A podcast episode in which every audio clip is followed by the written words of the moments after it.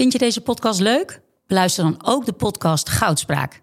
Ik ben Minke Boy. Als voormalig tophockeyster weet ik hoe Olympisch goud voelt. In de openhartige podcast Goudspraak praat ik met sporticonen die straks in Parijs voor het hoogste podium gaan. Over de weg naar goud. Beluister nu de podcast Goudspraak. Welkom bij mijn Drive Podcast, waarin ik, Mark Tuitert, op zoek ga naar de drijfveren van allerlei inspirerende mensen. Van atleten, ondernemers, wetenschappers tot artiesten. Als er iemand is die een duidelijke missie nastreeft en daar zelf iedere dag vorm aan geeft, is het Bojan Slat. De oprichter van de Ocean Cleanup wil het plastic in onze oceanen en rivieren opruimen. Op jonge leeftijd bouwt hij een missiegedreven organisatie waar menselijke gedrevenheid en technologie elkaar ontmoeten. Ik vond het heel inspirerend om bij hem op bezoek te zijn in zijn hoofdkantoor in Delft. Luister naar en leer van Bojan Slat.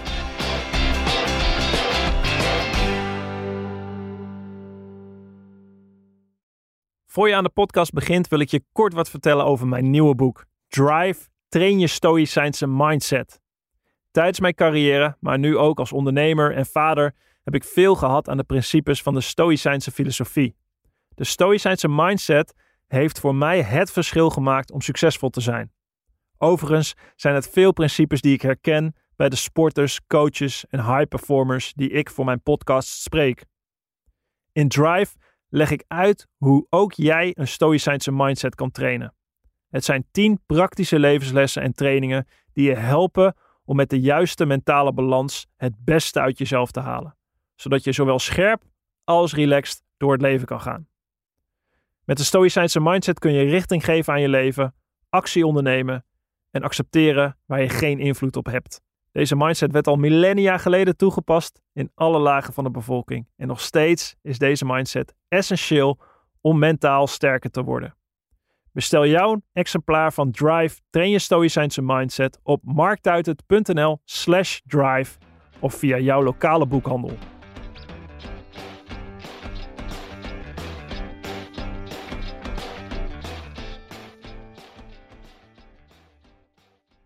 Die kabels. Al die kabels hier. Ja, het stikt hier van de kabels. Bij uh, de Ocean Cleanup op, uh, op het hoofdkantoor in Rotterdam. Uh, Bojan Slat, hier tegenover mij. Um, ja, laten we beginnen. Ik ben heel erg geïnteresseerd in wat jou drijft als, als ondernemer. En, en waar jouw gedrevenheid vandaan komt. Want dat, dat heb je volgens mij. De Ocean Cleanup. hoeveel mensen werken hier? 100 man? Ja, 130 ongeveer. 130. Wat kun je mij, kun je mij vertellen hoe, hoe jij als jochie was? Ja, oh. ik heb altijd wel mijn passies gehad, mijn obsessies. Eigenlijk sinds ik, uh, sinds ik twee jaar oud was, denk ik. Twee jaar al? Dat weet je nog? Ja, ik, ik, ja ik, op dat moment was ik heel erg geïnteresseerd in, uh, in dingen maken, met hout. Ik had een, uh, ik heb een, een oom die uh, houtwerker is, dus uh, dat is altijd leuk om in weekenden te klussen. En ja, ik, het eerste ding dat ik zelf heb gemaakt, weet ik nog, was een, was een, een stoel. Waar ik, het was natuurlijk veel leuker om op een stoel te zitten die je zelf hebt gemaakt dan eentje die in de winkel kan, kan kopen. Dus gewoon met hamer en spijkers iets in elkaar gezet, zag er niet uit. Maar gewoon het, het gevoel van dat je een idee hebben en dat dan werkelijkheid zien worden, dat zien bouwen. Voor, voor mij is dat is geen beter gevonden wereld dan, dan dat. Echt knutselen. Ja, ja. En eigenlijk, ja, volgens mij heb dat, dat is een beetje de rode draad door wat ik in mijn leven heb gedaan. Dus toen ja, van echt het, uh, het klussen ging het naar meer um, uh, ja, computers in elkaar zetten en dat soort dingen. Um, toen ik nou, zes, zeven was, naar Vervolgens had ik een fase dat ik heel geïnteresseerd was in explosieven en raketten. Dus, tuurlijk, tuurlijk. Dat is logisch. jongen, toch? Ja. Uh, de, dus, Bommen en granaten. Ja, uh, dus er was een... Uh, er was een, een, een, dag dat ik... Ik was ammoniumnitraat aan het indampen op het fornuis bij mij thuis. En ik was de tijd vergeten en vervolgens um, kwam ik binnen en was het hele huis gevuld met, met rook. En, en niet zo'n hele blije moeder. uh, maar goed, weet je, toch, uh, weet je, toch leuk. Weet je, alsnog weet je, dingen maken en leren door dingen, dingen te doen. En, maar waar heb je dat, waar heb je dat van? Want jouw, jouw vader is Kroatisch, hè? Klopt, je moeder Nederlands. Die ging, zij gingen vroeg uit elkaar. Dus je bent opgegroeid Ja. met je moeder, toch? Klopt, klopt. Dus hij woont in, in Kroatië. En ja, zij zijn niet ja, wetenschappelijk of technisch eh, onderlegd per se. Mijn vader is wel heel creatief. Eh, hij is kunstenaar, dus hij schildert. Ja. Dus wellicht dat daar enige link zit. Voor, voor mij is het... eh, ik ben niet een, weet je, een typische engineer. Als ik, ik word- niet gelukkig van alleen maar sommetjes maken. Voor Nee. mij is het de combinatie van weet je, fysieke dingen, dingen creëren, dingen bouwen... met ja, toch de, weet je, de, de, de nieuwigheid. Iets wat... Weet je, als iets al een keer gedaan is, is het voor mij niet, niet interessant. Dus ik was... ehm, toen ik uh, 10, 11 was, was ik heel erg geïnteresseerd in, eh, in waterraketten. dus, eh, en dan weet je, één raket lanceren, weet je, dat heb je natuurlijk wel snel gezien, dat is al een keer gedaan. Dus toen dacht ik, oh, weet je, wat nou als ik er eh, een paar honderd tegelijk lanceer en daarmee in het Guinness Book of Records probeer te komen. Dus vervolgens, ja, dat, dat was eigenlijk mijn eerste echte... Maar ho, dit, hoe oud ben je nou? 12, 13 jaar oud? Ja. Neem even mee in je hoofd, wat een waterraket. Hoe zie, wat is een waterraket? Hoe ziet dat eruit? Ja, dat is eigenlijk best ironisch, want het, zijn plastic flessen. dat is toch Ja. ook weer verbidding wat ik nu doe.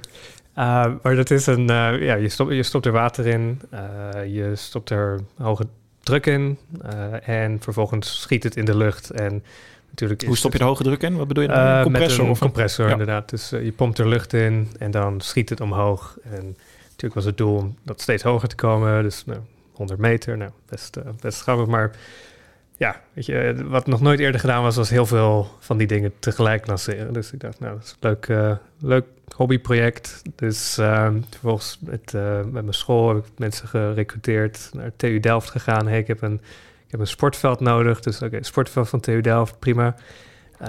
Sponsoren gevonden om dat apparatuur te leveren en elkaar te zetten. Uh, jaar lang voorbereid en uiteindelijk, uh, eerste keer mislukte het. En toen een jaar, lang, een jaar later weer geprobeerd. En inderdaad daadwerkelijk in het uh, of Records gekomen. Wat ging er mis eerst? Eerste keer, um, toen dacht ik, oh, ik kan ze allemaal zelf tegelijk lanceren. Dus ik kan met allemaal touwtjes, had ik dat aan elkaar verbonden. Maar je was in je eentje gewoon. En je dacht, Ja. ik trek aan een touwtje en woppa. Boom, 200 tegelijk. En dat, dat werkte niet. Dus toen uiteindelijk heb ik uh, 200 studenten bereid gevonden om tegelijk zo'n ding vast te houden en, en, te lanceren. Maar je noemt even een paar dingen. Je hebt sponsors geregeld. Je hebt dus 200 studenten gecharterd. Dus... Ik was op Hart van Nederland gekomen, dus dat was ook een... Uh, maar uh, had je die aangeschreven of had je, wat had je ermee gedaan? Hoezo ja. wees SBS 6 jou te vinden? Ja, ik, goede vraag. Hoe, hoe is dat gekomen? Um, ik denk gewoon contact opgezocht via de website. Ja, dacht, ja maar je, je, dacht dus al wel qua ambitie... oké, okay, ik ga Guinness Book of Records. Ik ga hier niet in de luwte blijven met een Guinness Book of Records. Ik wil wel dat het ergens... Ik wil wel dat er iets gebeurt, dat het gezien wordt. Ja, dat was ook een beetje strategisch, want we hadden ook wel hulp nodig met sponsoren en ja. je mensen om te helpen. Dus dat, dat moet ze iets terugbieden, geven. Ja, ja. Um, dus dat was eigenlijk mijn eerste, eerste echte project. Het was compleet nutteloos, maar het was wel leuk. ja, maar je moet wel... Je hebt, je hebt geldschieters, zeg maar. Mm. Uh, ja, dat, dat heb je later natuurlijk met aandeelhouders. Je hebt publiek, uh, vrijwilligers die mee moeten helpen. En, en je moet het ook naar buiten krijgen via de pers. Dus alle ja, facetten zitten hier bijna soort, al in. Een soort microcosmos van de Ocean Cleanup. Ja. Daar, ja. ja, dat was toen al... En toen begon je net nog met middelbare school, denk ik, ergens. Rond halverwege misschien? Ja, groep, wat is het? Vier, vierde klas, derde, vierde klas. Zoiets. Of liep je klasse voor? Nee, ik heb uh, nee, gewoon heel, uh, heel saai. Gewoon, uh... Hoe was je op school? Vond je school leuk? Um, goed, ik vind, um, ik vind leren heel leuk. Um, maar eigenlijk heb ik pas echt, ben ik echt pas gaan leren na school. Wat ik gemerkt heb is dat als je, je geforceerd wordt dingen te doen... in plaats van dat het gedreven is door je eigen... Intrinsieke motivatie? Ja, ik ja. je, nou, je curiosity, kun je mm. het Nederlands worden. Nieuwsgierigheid. Ja. Um, ja, weet je, dan is leren niet heel makkelijk. Ik was altijd wel een goede student, wel altijd in de top van de, mm. van de klas, maar... Um, je bent niet extra uitgedaagd. Nee, nee, nee, ik heb wel tweetalig uh, VWO gedaan. Dus dat Engels. Was, ja. Dus ah, dat, was meteen al, ik heb jou horen praten ook. En je, je hebt ook echt een Engels accent. Je praat gewoon heel goed Engels. Nou, ja, als ik nu filmpjes terugkijk van toen ik 18 was, mijn eerste presentatie voor de Ocean Clear. TEDx. Was, ja, was dat, uh, denk ik van, oh, wat een, wat een matig Engels spreek jij. Dus, nou, ja. voor een 18-jarige. Ik, ik, heb, ik, ben ook, ik heb ook op een podium gestaan toen ik 18 was. Toen kreeg ik de sportprijs uh, van Nederland, het talent van het jaar. Toen Mart Smees reikte me die prijs uit en ik hoorde mezelf praten. En ik had echt, ik had nog echt zo'n Oosters accent. Zo kom ik vandaan. En ik hoorde mezelf praten. Ik dacht, oh joh, wat... Uh, als ik jou dan hoor, je, je, je, ja, je, spreekt goed Engels, ook echt met echt een Engels accent ook getraind. Dus ik, ik vroeg me al af, ja, ja, heb je, heb je heeft het met je ouders te maken, maar je hebt dus echt mm. tweetalig al uh, dat meegehad. Had je, had je ook al het idee daarmee van, ik wil, ik, ik ga, wat ik ga doen, dat, heeft, dat, dat beperkt zich niet tot Nederland? Mm. Nee, ik dacht, het is, uh, ik, ik zocht wel naar een beetje uit, uitdaging, maar ik had ook wel een idee van, nou, waarschijnlijk wil ik wel iets van uitvinder worden, iets mm. met, uh, met technologie. Um, maar exact ja, wat, ik had er nog niet echt een, een groot plan voor.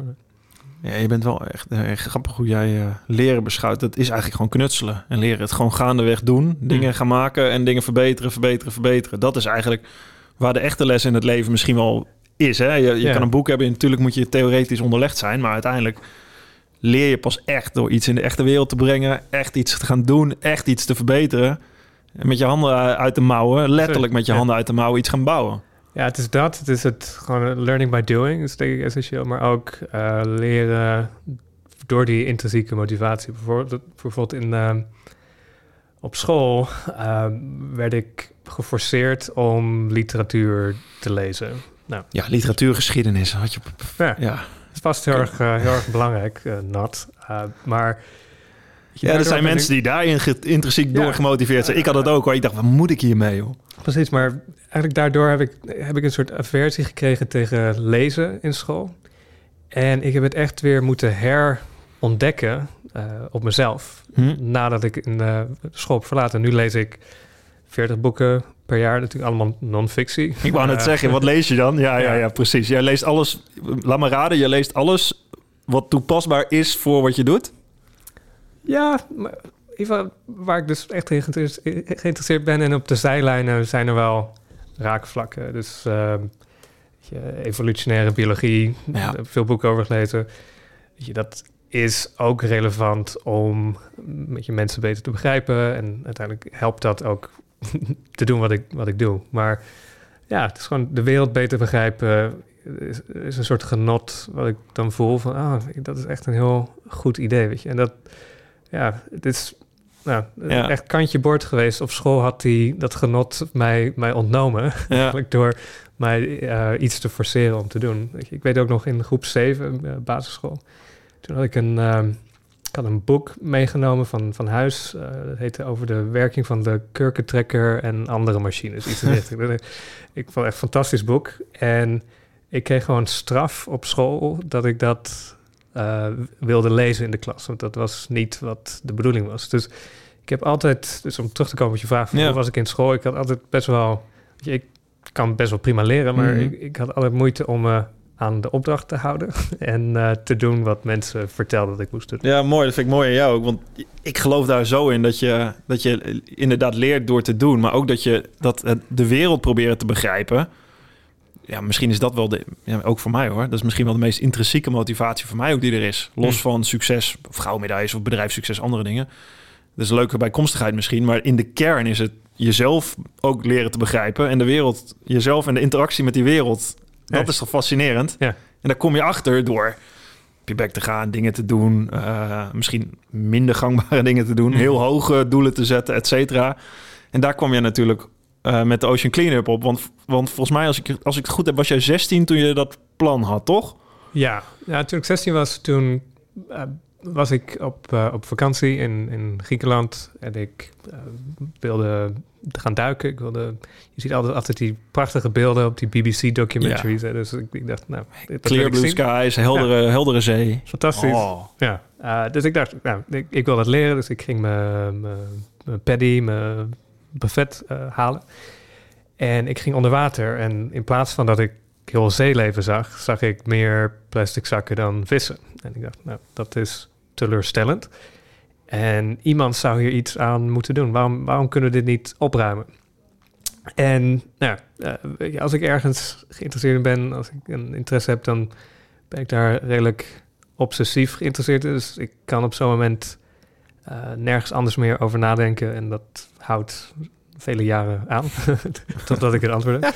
maar uh, dan kom je, dan ben je klaar net met duiken. Hoe werkt het dan? Pak, pak je dan meteen een boekje of is, is dat meteen een klik of duurt dat, groeit zoiets? Hmm, nou, eerst een beetje laten bezinken in je, je hoofd en dan begin je met ja, concepten bedenken en dingen in, in, uit elkaar halen in je hoofd en uiteindelijk ja, zet je wat dingen op papier. En hoe is dat, wat, wat haal je uit elkaar? Wat bedoel je? Wat, hoe, wat gebeurt er in jouw hoofd? Nou, je, je speelt een beetje met verschillende elementen. Van, ja, hoe, hoe zou je dit kunnen oplossen? Um, nou, wat Nou, als plastic, je... eh, gewoon mensen recruteren en plastic uit de zee halen. Ja, bijvoorbeeld. Dus je, je, je maakt een soort spectrum van wat zijn de mogelijke ideeën. Dus je, je divergeert eigenlijk. Je, je zet het op een rijtje in je hoofd en vervolgens ga je dat een beetje ja, veranderen. En, uh, Maar wat, hoe, wat, wat zijn de uiteinden van dat spectrum? Uh, ja, wat was. Ik durf niet precies meer te zeggen wat, welke ideeën ik allemaal had. Hmm. Maar uiteindelijk wat eruit kwam was: oké, de, nou, de het plastic beweegde. En natuurlijk, nou, vervolgens ga je ook. Uh, ga je googlen. je, Is er iemand hier al mee bezig? Uh, is er echt nog hulp nodig of is dit al uh, opgelost? Uiteindelijk kwam ik er toch achter dat er niet echt een serieus voorstel was om dit op te lossen. Maar er waren wel mensen die het probleem hadden onderzocht. En wat ze allemaal benadrukten was: dit is geen statisch probleem. Plastic uh, beweegt rond. Dus je moet daar rekening mee houden als je dat wil, wil oplossen. Dus uiteindelijk dat was voor mij denk ik de trigger van... oké, we moeten waarschijnlijk de, de stroming, de wind, et cetera, de, de, krachten van de oceaan niet uh, tegenwerken, maar juist daarmee werken. En ja, zodoende, dat, dat leidde tot het eerste, eerste concept. En ik was toen ja, net, net 17, denk ik. 17, 18. En, uh, maar zat je toen meteen al te denken aan die Great uh, Garbage Patch, hè? die hele grote plastic soep die in de grote oceaan drijft? Was, kwam je daarop uit? Ja, dat was toen al bekend dat daar heel veel plastic uh, ronddreef.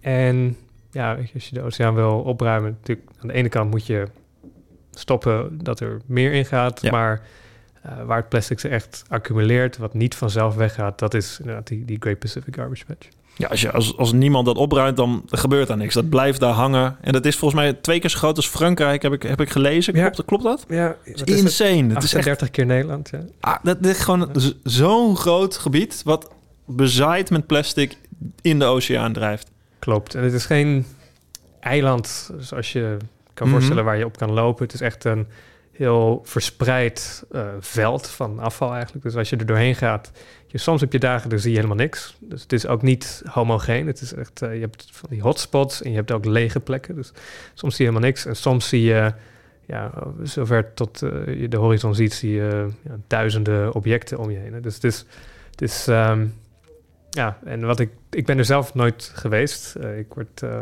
nogal zeeziek, dus... Uh, oh, echt? ik heb misschien het verkeerde carrièrepad gekozen. maar wat ik terugkijk van, van mijn collega's is vooral dat contrast wat zo bizar is. Je hebt die, die prachtige blauwe oceaan, super helder. je hebt walvissen om je heen en albatrossen. En weet je, ontzettend veel zeeleven, haaien. En vervolgens zie je, kijk je naar het wateroppervlak beneden en zie je zoveel afval. Dus vooral dat contrast, dat, uh, dat krijg ik terug dat het heel erg uh, shocking is. Jeez. Want hoe, hoe is dat ontstaan? Het komt dus gewoon, is, is het door al die rivieren waar plastic ophoopt en dat komt in de oceaan en dat, dat door de stromingen hoopt dat zich op? Ja, het, me het meeste afval wat in de oceaan komt, dat blijft maar voor een hele korte tijd in de oceaan. Dus dat spoelt heel snel aan. Dus als je... Dat zag jij in Griekenland op het strand. Bijvoorbeeld, ja. ja. En dat zie je goed. Ik kom net terug uit, uh, uit Azië. Daar, ja, als je naar de kustlijn gaat, ja, dat, dat plastic wat daar ligt... en ook het de plastic wat je daar in kustwater ziet... dat is misschien maximaal één of twee weken oud. Dus dat is allemaal redelijk vers plastic. Maar een klein stukje van dat plastic, misschien uh, 0,1 procent, dat weet, weet, per toeval zich wel te bevrijden uit de klauwen van die kustlijnen, van de, de stromingen en de golven. En uh, ook een gedeelte komt van, van visserij. En uiteindelijk komt dat terecht in die gebieden. En omdat die stroming daar redelijk uh, stilstaat en het, het, het draait rond, hm. eh, kan het daar niet meer weg. Net zo'n soort doucheputje eigenlijk. En ehm, er zit geen land in, dus het kan ook nergens meer aanspoelen. En ja, het plastic wat we daar tegenkomen, nou, er staat uh, hier naast ons staat uh, een, uh, een krat hier in, in kantoor uit de jaren 70. Hebben we er net uitgehaald. we hebben nog een soort drinkfles uit de Vietnamoorlog nee. teruggevonden. Dus ja, dat, dat speelt daar. En het is nog steeds gewoon in gave conditie. Hè? Dus het is, het is plastic aan de ene kant fantastisch materiaal. Het gaat heel lang mee. Ja. Maar op de verkeerde plek is het uh, onhandig. Waarom, waarom koos je er juist voor om daar te beginnen met, met die garbage patch? Ja, je moet denk ik uh, beginnen met waar het probleem het grootste is. Uiteindelijk kunnen we nooit elke laatste kilo plastic opruimen. Maar het gaat, ervan, het gaat erom hoe kunnen we zo snel mogelijk, zoveel mogelijk uh, impact hebben. En Mhm. natuurlijk waar het probleem... Weet je, net zoals als je als je armoede wil oplossen. Ja. Uh, je kan beter naar de Centraal-Afrikaanse Republiek gaan dan naar uh, Zolle. Uh, ja. Weet je, natuurlijk, er zal iets van armoede zijn, maar... Nou, ja, naar de relatief grootste schijn... Ja, armoede... Ja. Je gaat maar naar het grootste probleem en dat tackle je als eerst. Exact. Dus de, de, de, ja, de impact, je, dat, je kan je laten drijven door emotie, maar ik denk dat het veel beter is mm. om rationeel te kijken naar problemen. Okay, wat, waar ja. is de, de kosten per kilo eigenlijk het, het, ja. het, laagste waar we dus de grootste impact kunnen Is hier een beetje de, de, de ondernemer, de bedrijfseconoom um, in jou die opstaat Hmm. mm. en zegt: hey, wat is meest efficiënt? Hoe kunnen we dit probleem gewoon tackelen? Of de uitvinder en alles bij elkaar brengen. En dat is nog mooi om te denken en een mooie idee te hebben. Maar als je 17 jaar oud bent, wat, hoe kom je van dat idee naar echt een uitvoering? Want je hebt gewoon een heel bedrijf gebouwd waar, waar miljoenen in omgaan, waar je heel veel geld op haalt, waar je mensen moet aansturen, waar je een probleem, denk ik, moet oplossen... waar volgens mij alle mensen die er enigszins mee te maken hadden zeggen... totaal onmogelijk, Hmm. niet te doen. Absoluut. Ja, en hoe, maar hoe, hoe bouw je dat? Hoe, waar begin je? Ja, dat wist ik ook niet. het was een... Uh, ja, dat was echt trial and error. Veel dingen proberen. Nou, bel je mensen op, dan zeg je, hey, uh, wat, wat, en wie? Hoe, wat, Ja. wat is echt een start? Ja, dus even een stapje terug. Dus ik had die... ehm, ik, ik kwam een probleem tegen. Ik ging over nadenken. Ik moest een eh, profielwerkstuk schrijven voor middelbare school. Nou, ik dacht, nou, top. Hier kan ik eh 80 uur insteken in dit, eh, dit probleem. Hoef ik geen andere boeken te lezen. Ja. Ik ben niet mee bezig. Eindelijk mag ik boeken lezen waar ik eh, Yes. geïnteresseerd ben. En nou, vervolgens ging ik luchtruimtevaart studeren in, in, in Delft. Eh, Maar na een half jaar dacht ik van, hm, het is... Knaagt toch wel heel erg. Ik zou dit toch wel een kans willen geven. En als het niet werkt, kan ik altijd na een half jaar weer terug eh, Ja. gaan, gaan studeren. En ik had inmiddels... Ik was uitgenodigd. Ik had een eh, profielwerkstuk prijs gewonnen op de TU Delft. En dat was de aanleiding dat eh, iemand die de TEDx-conferentie bij de TU organiseerde... die had in het uh, dorpsuffertje had gelezen dat ik die prijs had gewonnen... nodigde me uit om een presentatie erover te geven. En, en eh, na de eerste maand nadat ik gestopt was met mijn studie... eh, dat was best lastig, want niemand wilde helpen. Ik had een e-mail gestuurd. Gewoon, ik wist ook niet wat ik deed. Gewoon een koude e-mail. Leuk, heb je een leuk jochie. Ach, Ja. mooi, leuk plannetje, gaaf. Ja. Precies, ik had, ik had een cold e-mail gestuurd Mm. naar 300 bedrijven in Nederland. En eh, ik had één reactie gekregen. En dat persoon zegt, van, "Eh, het is een stom idee. Je moet, als ik jou was, zou ik teruggaan en gaan studeren. Dus Ja. dat uh, Wel, één iemand had nog de moeite genomen om te reageren. super aardig. Als de Wel luistert, dankjewel. uh, maar nee, dat was dus niet heel erg uh, succesvol. Maar vervolgens, het was maart 2013... Opeens dat, dat filmpje van die uh, presentatie die ik had gegeven... werd opgepikt op een paar blogs in Amerika. En dat werd groter en groter en groter. En binnen de kortste keren hadden een miljoen mensen mijn presentatie gezien. Die TEDx-presentatie, ja. ja. En, en dat en was toen, echt- toen, dan, dan was je eigenlijk gewoon een half jaar student. En, en je had een TEDx-presentatie, ik heb hem gezien. Hm. En dat, dat was, oh ja, nou, Dat was het begin. En dat leidde er volgens toe dat ik een, uh, een crowdfunding campagne kon doen. Uh, twee, de eerste 80.000, de tweede 2 miljoen. En uh, ook de eerste, het eerste team verzamelen, wat toen nog, waren toen allemaal, de eerste twee jaar waren allemaal vrijwilligers. En uiteindelijk toch ook de eerste mensen hebben kunnen, kunnen aannemen. En ja, dat was echt de eerste, de eerste stap. Vervolgens dachten we, oké, okay, we hebben eigenlijk geen enkel idee wat het probleem nou is. Hoeveel plastic zit er nou in die garbage patch? Waar komt de plastic vandaan? hoe groot zijn die deeltjes, hoe diep zijn die deeltjes, al dat soort fundamentele vragen. Dus Hoe krijg je dat überhaupt uit? Ja, exact. Dus, eh, had je dat idee al wel als, als uitvinder? Dat je een idee had van ik, eh, ik die, die, die, die boten die je hebt gemaakt? Of, of had je al ergens een idee? Of, moe- of moest dat zich allemaal nog ontwikkelen? we hadden een hypothese. Ja. En ik denk, als ik terugkijk, de eerste jaren hebben we misschien iets te veel gefocust om proberen dat idee te bewijzen dat dat werkt. In plaats van af te vragen, oké, hoe gaan we dit het beste oplossen? Want goed, dat, dat idee, ehm, dat, dat was dus om het eh, echt aan de zeebodem te verankeren. De stroming ging het werk doen en uiteindelijk bleek, nou, de oceaan is veel te diep, zou veel te duur zijn. En wat we nu doen, door toch voor te slepen in die patch, het is veel goedkoper en veel effectiever. Maar weet je, uiteindelijk maakt het niet zo uit. Het belangrijkste is om te beginnen, zelfs als die, die initiële hypothese fout is, zolang je open staat om eh, je koers te wijzigen met nieuwe inzichten en dus eh, dat doet op basis van data in plaats van emotie, eh, dan, ja, weet je, dan kan dus je initiële idee kan gewoon fout zijn en kan je toch uiteindelijk tot iets werkends komen. Ja, grappig, want als ik je nu zo hoor, klink je echt als een tech-ondernemer, als een, als een engineer. Zoals Hmm. wij werken, hè, echt de, de, de rationele aanpak, het testen, MVP's, minimum viable products, Ja. up, shippen, naar de markt brengen, kijken hoe het werkt, testen, aanpassen, testen, aanpassen, testen, aanpassen. Niet een heel eerst een stichting optuigen en met heel veel toeters en bellen, maar gewoon Ja. zo snel mogelijk, bam, iets, iets shippen en daarvan leren. Terwijl dat ook hè, voor, voor de buitenwereld, voor de buitenwacht, hè, volgens mij was het ook helemaal niet eerst succesvol. Was het ook echt testen en mislukken. Ja. Dat is natuurlijk, hè, dan komt er wel veel druk op je te staan ook natuurlijk van de buitenwacht. Die zie je wel, lukt niet. Ja, ja precies. Dus ik, ik, denk, eh, zo, ik denk dat de wereld iets te... Ja, wat is het woord? Overfeticheerd? Is dat een... Nou, dat- Bij nu, eh, deze is het een nu is woord. het een woord. Dikke vandalen, alsjeblieft. Check. ja, het is, eh, er is een soort... ehm, in Silicon Valley hoor je vaak mensen die haast een soort van... een hele positieve manier over falen spreken. Mm. Ehm, kijk, ik denk dat, je, falen is oké, eh, weet je, zolang je ervan leert en, en Ja. aanpast. Eh, maar je moet alsnog proberen eh, te laten slagen. Ja, weet je, het, Ja. zou, het mooiste zou zijn als je het wel in één keer werkt krijgt natuurlijk. Dus het is, het is, ehm, het is geen blind proces zoals evolutie, waarbij je puur gewoon random mutaties hebt en uiteindelijk eh, werkt er iets. Nee, je, het is wel, je hebt wel sturing. Uiteindelijk, we, we hebben breinen en we Mhm. kunnen nadenken. Dus het is toch een combinatie van wel, denk ik, een, een, een sterke visie hebben en tegelijkertijd wel openstaan voor, voor die veranderingen en voor het leren en, en snel testen in plaats van dingen compleet uitwerken. En overigens, ik denk dat we dat beter hadden kunnen doen. Weet je, het eerste clean-up systeem, eh, dat kostte 10 miljoen. Eh, dat was eh, een systeem van 600 meter groot, dat was gigantisch. Duurde negen maanden om te bouwen.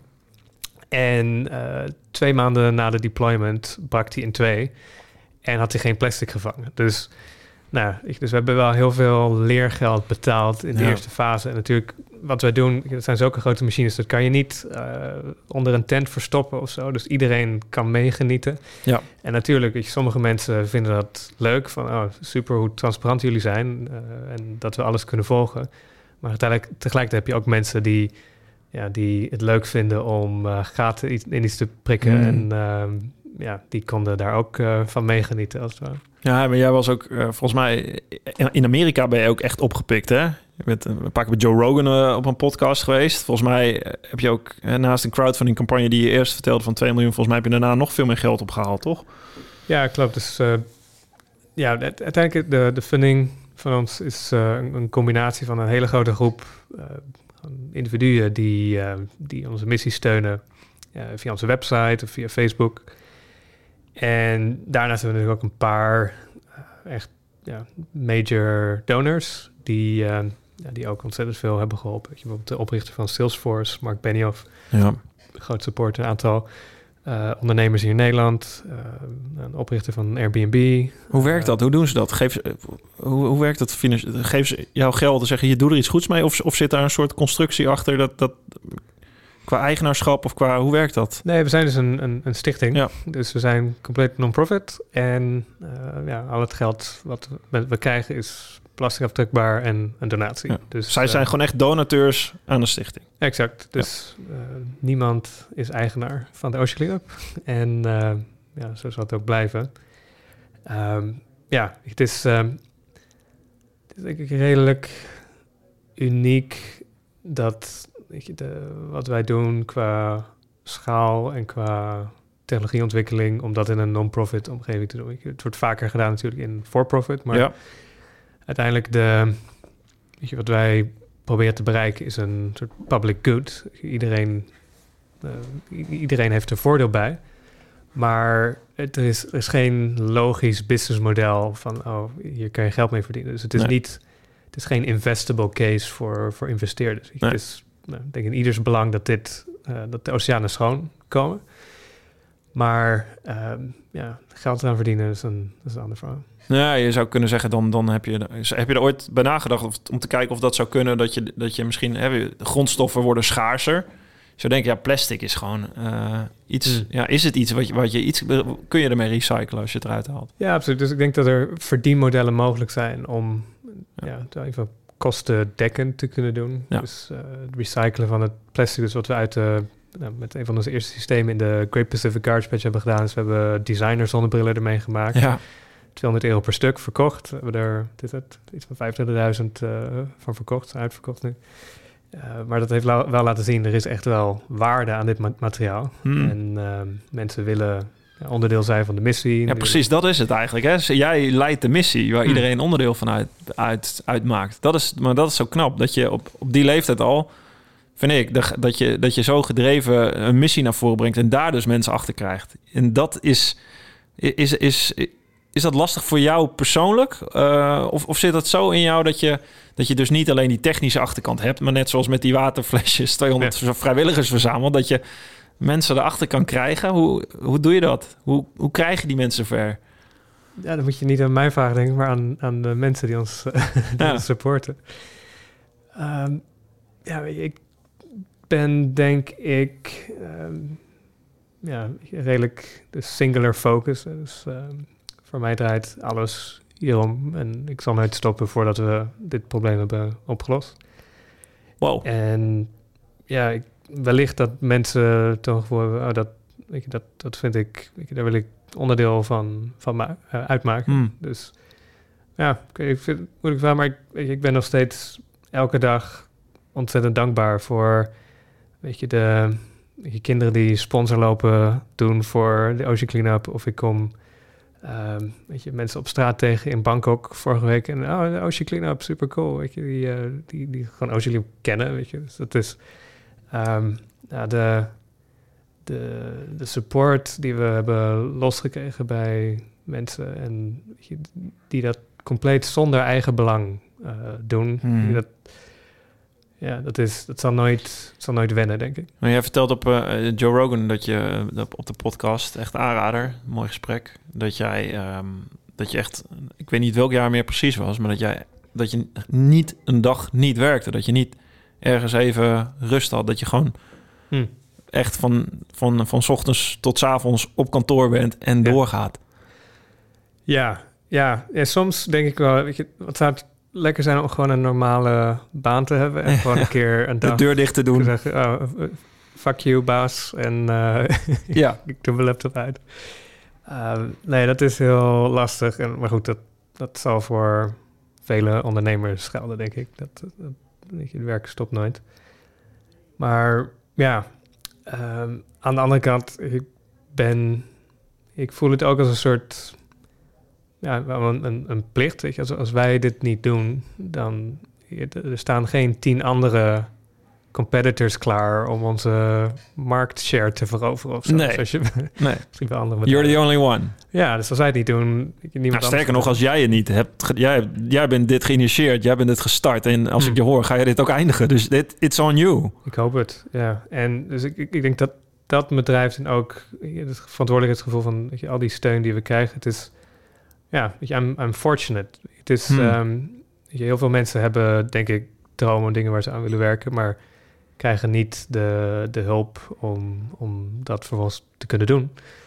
eh, het feit dat ik wel, weet je, dat we funding hebben, dat we eh, ontzettend getalenteerde mensen die er werken, ehm, de, de relaties, eh, dat, ja, weet je, dat, Mhm. dat is. Nou, ik denk dat jij dat, ja, ik denk dat je dat ook kan doen en zo hard kan werken. Dat kan je niet anders dan diep intrinsiek een missie hebben ergens Mm. voor. Ik denk ook dat heel veel mensen er misschien wel jaloers op zijn.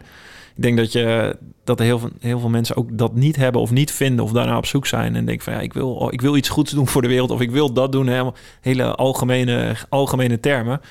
Ehm, omdat ze op zoek zijn naar een soort missie die jij, ja, jij, jij bedenkt hem niet alleen, jij voert hem ook uit iedere dag. Maar is dat niet, drukt dan niet af en toe op je dat je, dat je denkt van wow, je, je, hebt, je hebt een hele grote broek aangetrokken qua mensen, qua verantwoordelijkheid, qua missie. Hm. Hoe en hoe ben je, hoe blijf, blijf je daar zelf onder die gedrevenheid, onder die missie, hoe blijf je daar zelf kalm en rustig onder? En of, of gaat het zo natuurlijk bij jou? Als ik je zie dan. Mm. Heb ik niet het idee dat je eronder lijdt, maar dat lijkt me, dat lijkt me toch. Dat, dat moet toch ergens drukken. Ja. Nee, kijk, het is... ehm, en ik denk dat, nogmaals, dat eh, ondernemers dit ook zullen herkennen. Dat het is... je, de ene dag denk je van, wauw, dit gaat supergoed. En eh, we gaan sowieso eh, dit probleem oplossen. Weet je, we're, we're winning. Weet je, dat, gevoel.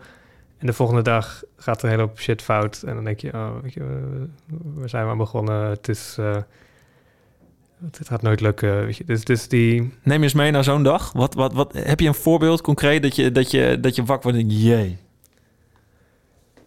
Ja, weet je, de- elke dag heb je wel... eh, nou, niet, niet, niet elke dag, maar je hebt... Je hebt ehm, elke week is er wel iets van een, een tegenslag. Het, het is steeds twee stappen vooruit, één stap achteruit. Wat was het grootste moment waarvan, waarvan je dacht van, nou, dit, oef, hier, hier, dit vind ik echt, echt, echt heel lastig en moeilijk. Mm, kijk, ik denk wat je leert over de tijd is dat de- al die crisissen uiteindelijk... ehm they, shall pass. Weet je? Dus, dus de, uiteindelijk kom je erachter van... oh, weet je, de vorige crisis die hebben ook overleefd... en die vorige ook. Dus maar, weet je, het, het, het went wel, soort van... en je wordt er soort van emotioneel wat vlakker van, denk Mhm. ik.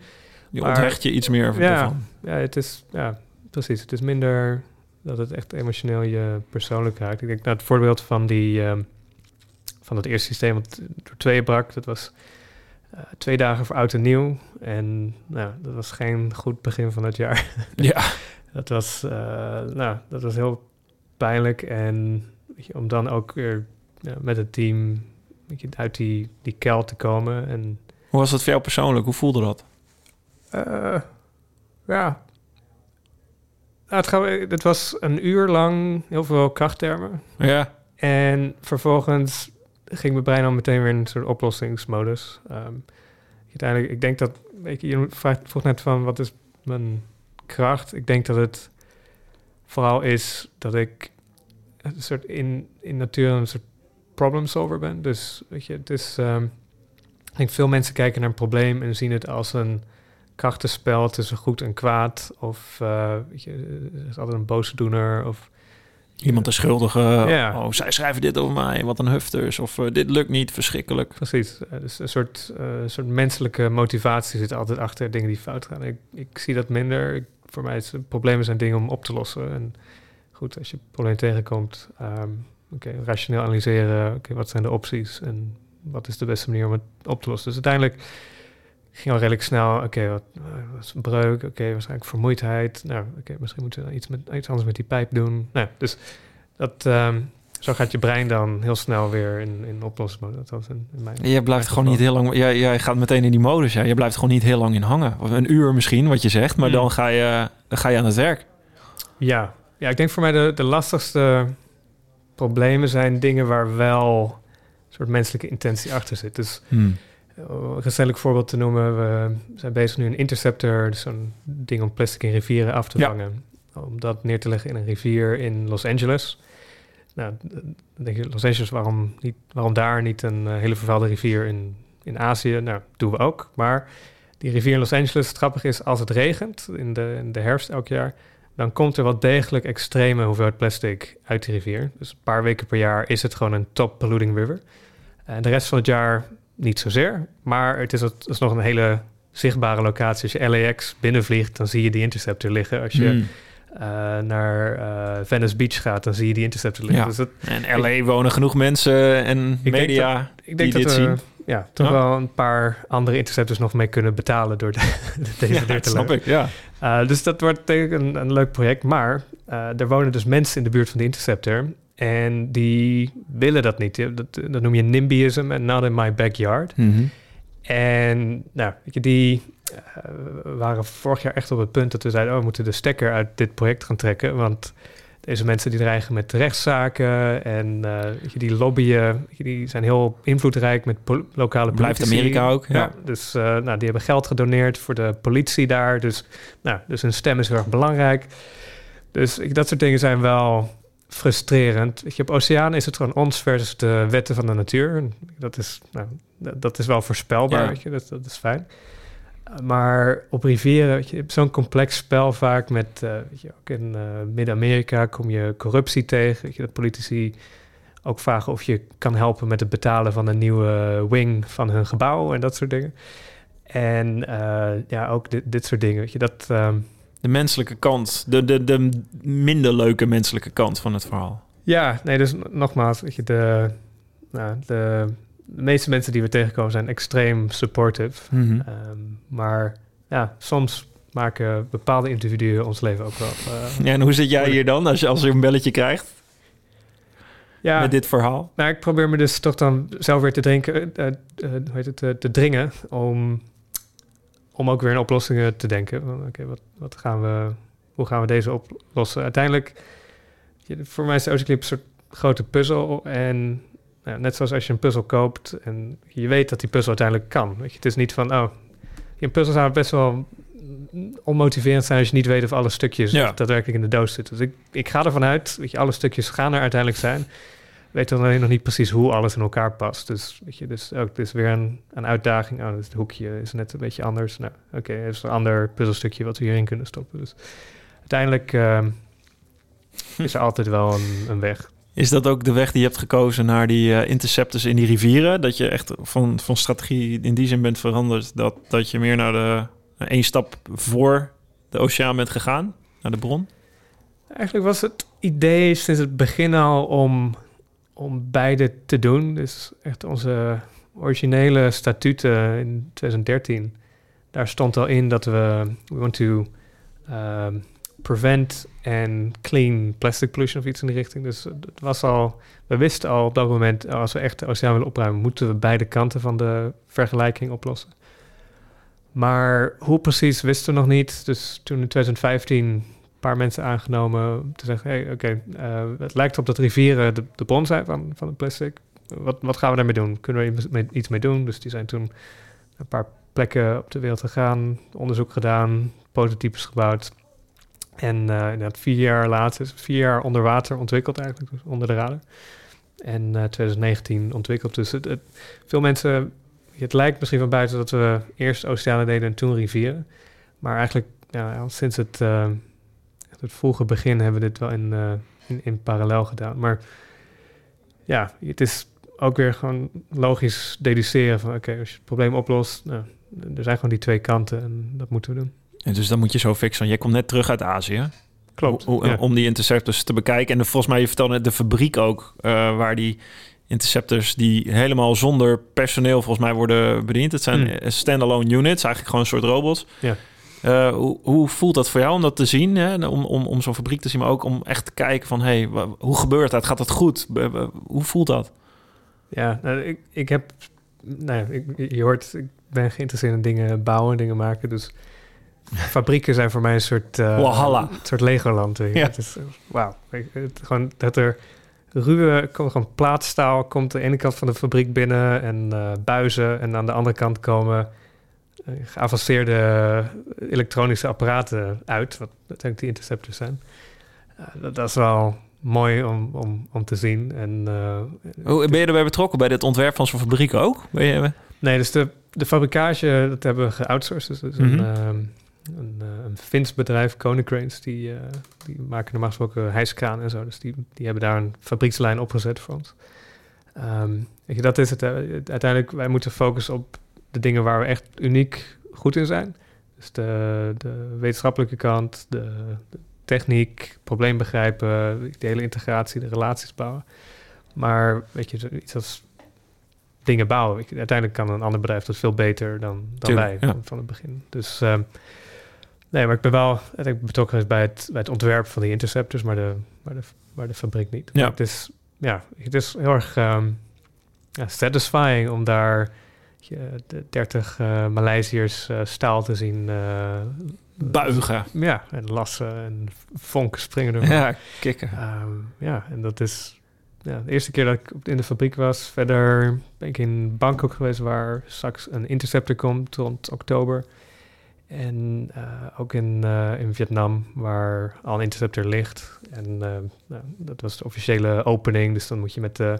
Het is natuurlijk De burgemeester op de foto. Ja, de president. Precies, het is een communistisch land. hè, Dus je hebt de, de People's Committee of Canteu, dat is de stad waar die ligt. En, nou, Ah, natuurlijk. Vietnam is gewoon nog, ja. Nou, Bizar eigenlijk, ja. je hebt een, dus van die hele epische muziek en heel veel vlaggen. ja, ja, ja, ja, ja. Echt allemaal, alles draait om de fotomoment in dat soort landen. Dus eh, duimpjes omhoog en eh, iedereen is weer blij daar. Dus eh, ja, dus dat soort dingen, dat, dat hoort er En hoe gaat het met die missie? Want jij vertelde volgens mij dat 1% van alle rivieren voor 80%, als ik het goed heb, de, Klopt. voor, van de, voor de plastic pollution zorgen. Hmm. Z- zie je daar iets van? Zie je, zie je dat die interceptors, dat dat de way is om, om, die, om die pollution aan te pakken? Werkt het zoals je zou willen dat het werkt? Ja, nee. Ik denk, ik denk als het gaat om de, de globale strategie, ja, heilig van overtuigd dat intercepten in rivieren is de snelste manier om de kraan dicht te draaien. Eh, dat gevoel had ik heel sterk. Twee jaar geleden zag ik de eerste keer interceptors in het wild. Dat was in, in, in Klinkt mooi trouwens. Ik zag interceptors in het wild. verrekijker zo. Wow, is Ja, een- look at that, that's ja, an ja. interceptor. Ehm, en nou, ik, ik stond erop. Ik, dit was, dit was eh, in de rivier Klang, dat is bij Kuala Lumpur in, Maleisië. En ik stond erop, ik zag mooi die, zo die hele plastic stroom. Raakte de barrière en barrière, hop, gaat het op een eh, lopende band naar boven, de machine in. En ik realiseerde me toen dat er wonen volgens mij iets van 5 miljoen mensen boven strooms van dat gebied. Nou, hoe lang zou het duren voordat iedereen goed gaat, omgaat met hun afval? Hoe lang zou het duren voordat je de hele afvalinfrastructuur tot een heel hoog niveau hebt geüpgrade? Het gaat om miljarden, dat gaat om decennia. Eh, dat is gewoon heel veel werk en uiteindelijk moet dat gebeuren. Uiteindelijk wil ik niet dat het plastic überhaupt in de rivier komt.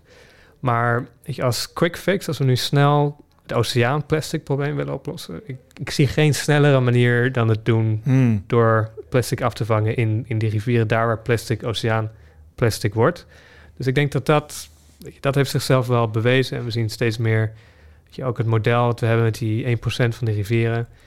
Ehm, ja, dat lijkt wel redelijk te kloppen. Overal waar we komen, waar we denken er is vervuiling, ja, daar, daar, daar zien we vervuiling. Wow, dat moet zoveel voldoening geven, lijkt me. Als je, die- als je die beelden ziet van die, van die rivieren en van die stranden waar die rivieren uitmonden, dat is echt, echt Ja. verschrikkelijk om te zien. Absoluut. En goed, dat ook goed bruggetje denk ik naar de, naar de andere kant. Dus aan de ene kant, ja, we hebben 1,3 miljoen kilo afval nu afgevangen. Nou, dat is aardig. Hmm. Ehm, aan de andere kant is het nog maar een fractie natuurlijk van wat er elk jaar instroomt.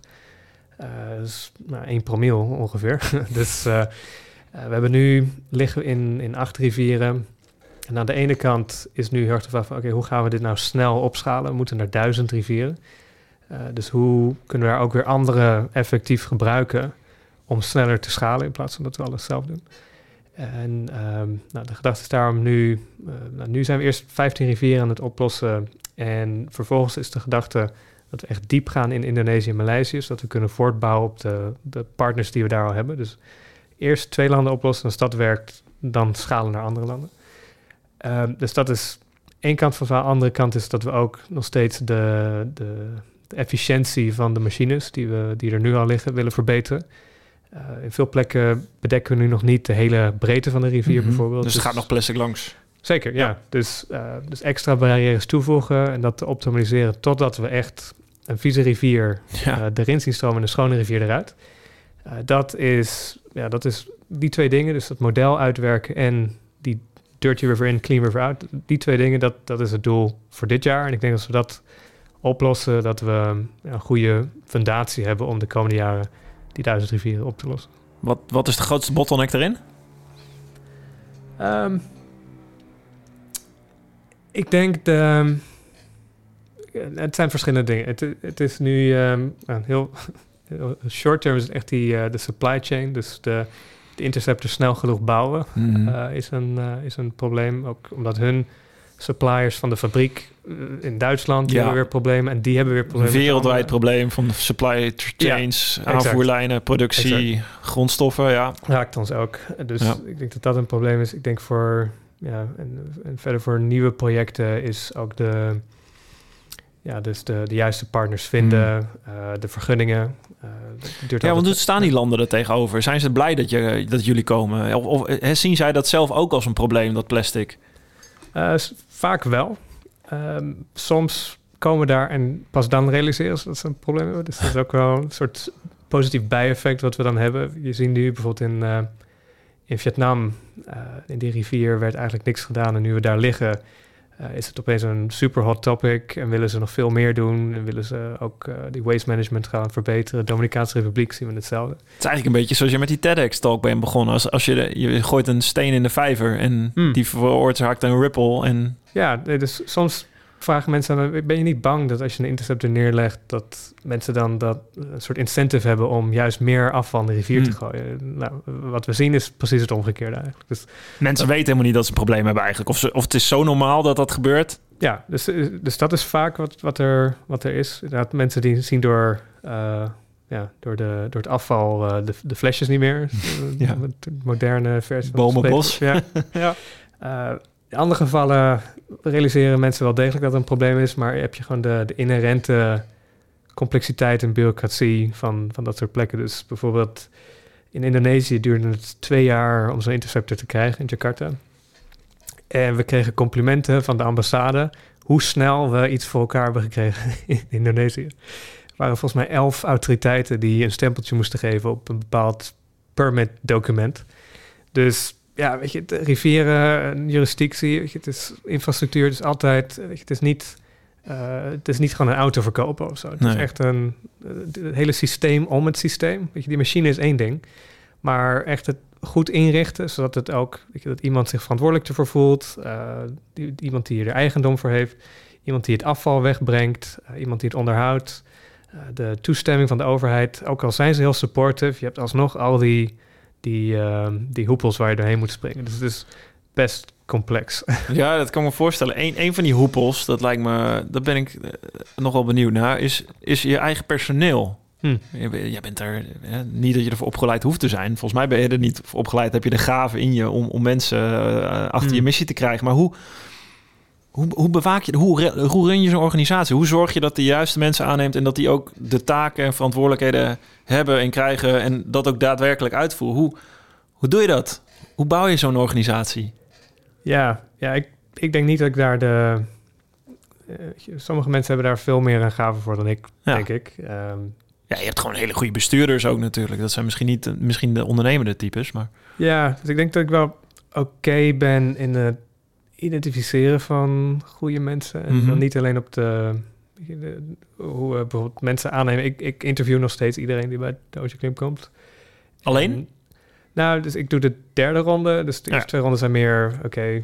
shift. ehm, Ja. Kan dit persoon de, de rol? En eh, vervolgens is voor mij meer soort van de culture check. Dus heeft iemand... Is het echt een ocean cleanupper? Ehm je, mensen moeten een beetje... Ja, het zijn niet de typische mensen die hier komen werken. Weet je, als je gewoon een 9 tot 5 baan wil... of eh, je heel rigide bent in je denken... of je, het is... Ja, zijn, iedereen maar let je op. Elon Musk die stelt bepaalde vragen, is heel, is heel bekend Hmm. om. Heb je, heb jij bepaalde dingen waar je echt naar kijkt? Ja, het zijn, een- het zijn een paar dingen. Ik denk, ehm, sowieso moeten mensen, je, spent zoveel tijd met elkaar hier. Eh, mensen moeten fijn zijn, moeten een soort gevoel hebben van, oh, het is fijn om mee te werken. Denk, weet je, eh, no assholes eh, Ja. is gewoon niet handig. Je, ook al ben je heel getalenteerd, heel slim, maar het gaat niet werken. Ehm, verder, weet je, de meeste mensen die bij ons werken hier zijn of zeiler of surfer of Hmm. duiker. Dus iedereen heeft toch wel een soort inherente motivatie. En, Liefde voor de oceaan, voor het Ja. leven op de oceaan. Ja. en overigens is dat niet 100%, maar uiteindelijk, weet je, een paar procent die dat niet, nou, niet zo'n hobby heeft, die, eh, die ontwikkelt dat wel snel. Dus nou, je, uiteindelijk... Je, wordt er wel mee besmet als je hier werkt. Ja, en het gaat gewoon niet werken als je niet die intrinsieke motivatie voelt. Want nou, dat, je moet er te veel, uh, ja, te veel voor opgeven. Ja. Dus, uh, dus, dat is iets. De, en gewoon de, de problems, problem solving ability. Daar zoek ik altijd naar. Dus okay, wat is de... Ja, hoe, hoe benader je problemen en um, ja, weet je, wat voor een ervaring heb je in, in problemen oplossen. Uiteindelijk, het meeste werk wat we doen is gewoon uh, van probleem naar probleem gaan. Hmm. Dus, maar hoe heb je die organisatie ingericht? Heb je, heb je een aantal mensen onder je die, waar mensen aan rapporteren? Of rapporteren ze allemaal aan jou? Of? Nee, dat, dat was ooit zo, maar dat is niet heel schaalbaar. Nee, dus, uh, ik kan me voorstellen, ja. Ja, nee, dus we hebben een, uh, nou, we hebben sowieso een uh, supervisory board hebben, waar ik dan formeel aan rapporteer. En we hebben een management team. En nou, we hebben een director voor oceans, director voor rivers. En ik heb een, iemand naast me, die heet Jacob. En hij is meer verantwoordelijk voor de, voor de organisatiekant, weet je, de HR.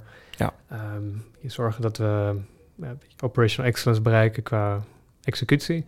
Terwijl ik, zodat ik me meer kan focussen op weet je, de, de technologie, uh, de research en uh, ook de strategie van oké, okay, waar, waar, gaan we naartoe? Hm. Dus, dus, ja, nee. Problem solving. Cool. Hey, uh, wat is, wat is, wat, wanneer, is, wanneer, is die, wanneer, wanneer zijn die plastic problemen opgelost? Wanneer zit jouw missie erop? Wanneer kun jij met pensioen? Ja, ik, ik hoop dat ik hierna nog meer problemen kan uh, aanpakken. Dat is veel te, ja. veel te leuk. En uh, ik heb nu al. Ja, jouw, jouw, wat jij over werk denkt, of dat heb ik, heb ik ook heel erg hoor. Dat is niet iets wat je, ja, wat mensen soms zouden zien als een begint-end of los van privé's. Het is gewoon ik, wat je ja, doet als ik, mens, wat zal, je wil doen. Precies, ik, ik zal nooit met pensioen gaan. Nee. Um, maar ik hoop wel dat ver voor die tijd uh, dat, um, dat de Ocean succesvol is met de missie. Ik hoop ja, ik hoop dat we heel ver komen uh, rond het eind van dit decennium. Mm -hmm. Dus dat is het doel.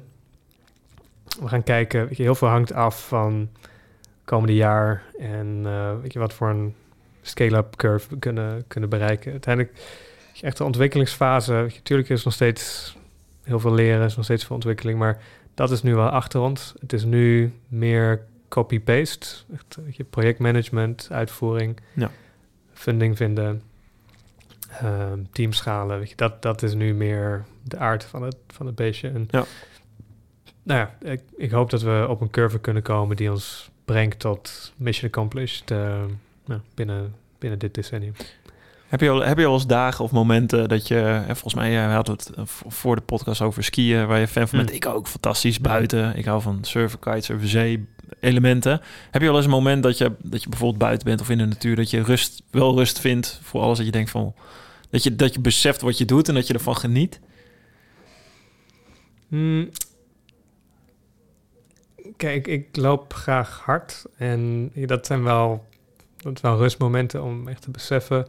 Nou, ik had een beetje afgelopen paar weken, dus dat je, je, je reist van, uh, weet je, van één Aziatisch land naar een compleet ander Aziatisch land. En om elke keer weer zo'n daar zo'n machine te zien liggen met ons logo erop. En daar lokale mensen hard, die hun familie uh, ja, uh, kunnen supporten. Doordat ze aan uh, staal zagen op een Ocean Clip Interceptor. Uh, ja, dan, voel je wel een soort trots ook um, nou om, om ons team te zien opereren daar in die omgeving. En Um, weet je, de, partners die zij hebben gerecruiteerd. Um, nou, weet je, dat is wel heel gaaf. Um, dat, ja, om daar betrokken bij te zijn. Dat is, ja, dat is mooi. Mooi. Dankjewel, uh, Bojan Slat. Fijn uh, dat je je verhaal wilde delen. En uh, ontzettend veel respect voor wat je doet. En de missie waar je achter staat en waar je zo, zo hard voor werkt. Het is echt... Echt een voorbeeld. Super mooi om te horen. Dankjewel. Dank, dank voor je.